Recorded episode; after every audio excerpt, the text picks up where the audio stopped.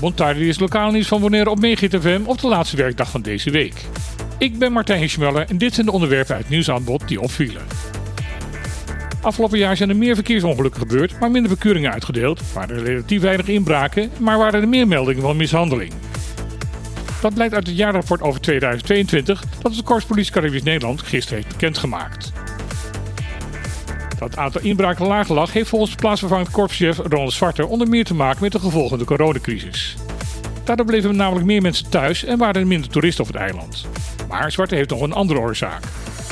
Volgens hem hebben criminelen ontdekt dat cybercrime in de meeste gevallen makkelijker en winstgevender is.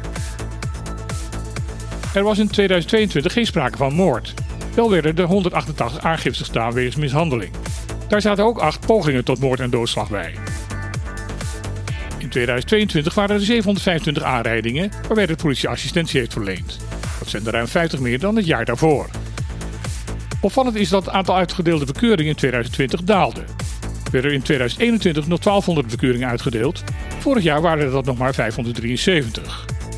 Daarvan werden 104 personen op de bon geslingerd omdat ze te veel hadden gedronken.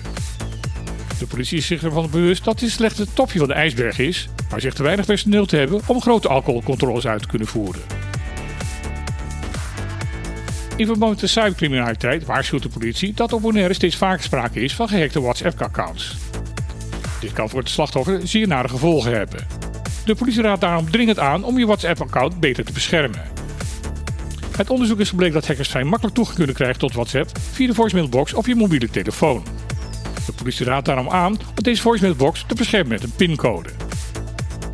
Daarnaast is het verstandig om de WhatsApp-account zelf te beschermen met de zogenaamde tweestapsverificatie. Hierdoor wordt het een stuk lastiger om de app van buitenaf over te nemen. Dit kan worden ingeschakeld bij de instelling van WhatsApp.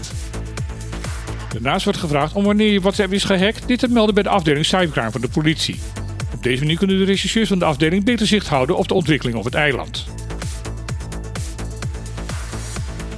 In zijn adviesrapport over het instellen van een klimaatstafel Bonaire zegt kwartiermaker Ed Nijpels dat het lastig is om met een lege maag te moeten nadenken over de klimaatsveranderingen die momenteel plaatsvinden. Toch blijken de bewoners van Bonaire op dit moment in toenemende mate wel over deze problematiek te praten. Dat is te lezen in een artikel van het Caribisch Netwerk. Volgens radiopersoonlijkheid Ahmed Ayoubi is de omslag gekomen na het zware noodweer in november vorig jaar. Toen viel er in 4 uur tijd 100 mm neerslag, een absoluut record. De gevolgen waren ook zeer duidelijk merkbaar: overstroomde staten, onbereikbare huizen en een enorme modderstroom die de kwetsbare koraalriffen voor de kust overspoelde. Volgens Ayoubi is daarna ook veel meer aanbod van informatie via de lokale media op gang gekomen. Maar er zijn ook nog andere signalen. Zo merken de vissers dat de vangsten de afgelopen vijf jaar enorm achteruit zijn gegaan. Kennelijk zijn de vissers door alle veranderingen naar andere streken vertrokken. Dat zet tot nadenken, maar het is ook duidelijk dat deze zorgen bij veel mensen op het eiland zich vooral vertalen naar de dagelijkse strijd om voldoende eten op tafel te kunnen zetten. Want zoals een oude dichter ook al eens zei: eerst komt het eten, dan komt de moraal.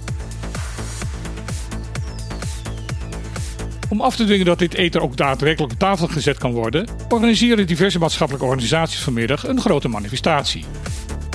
Bij de overgang op 10 oktober 2010 werd door Nederland beloofd dat de inwoners van de BES-eilanden een niveau van leven en voorzieningen zou gaan krijgen die gelijkwaardig is aan wat in Europees Nederland al heel lang gebruikelijk is. Deze belofte blijkt na 13 jaar nog steeds niet te zijn ingelost. Integendeel, de bevolking van de eilanden zijn er alleen maar op achteruit gegaan. Er zijn wel ontwikkelingen op dit vlak de laatste tijd, maar die gaan volgens de organisator van de demonstratie veel te langzaam. Om te laten zien dat de bevolking van Bonaire genoeg heeft van loos toezeggingen en eindeloos voor zich uitschuiven, over de organisatie vanmiddag op een voor Bonaire ongekende hoge opkomst. Bij de demonstratie zal ook een reportageteam aanwezig zijn van het Nederlandse NOS-journaal. Dus ook jouw aanwezigheid hierbij is van belang. De manifestatie begint om half vijf op het parkeerterrein van het Wander Daar zal er gewandeld worden naar de playa. Dit was weer het lokale nieuws van vandaag op Megahit FM. Morgen is er weer van 12 tot 2 op de clip op deze zender. We zullen het ongetwijfeld hebben over de demonstratie, de actie van Greenpeace en over andere actualiteiten van de afgelopen week. Ga je daarna luisteren? Graag tot morgen. En anders, heel graag weer. Tot maandag.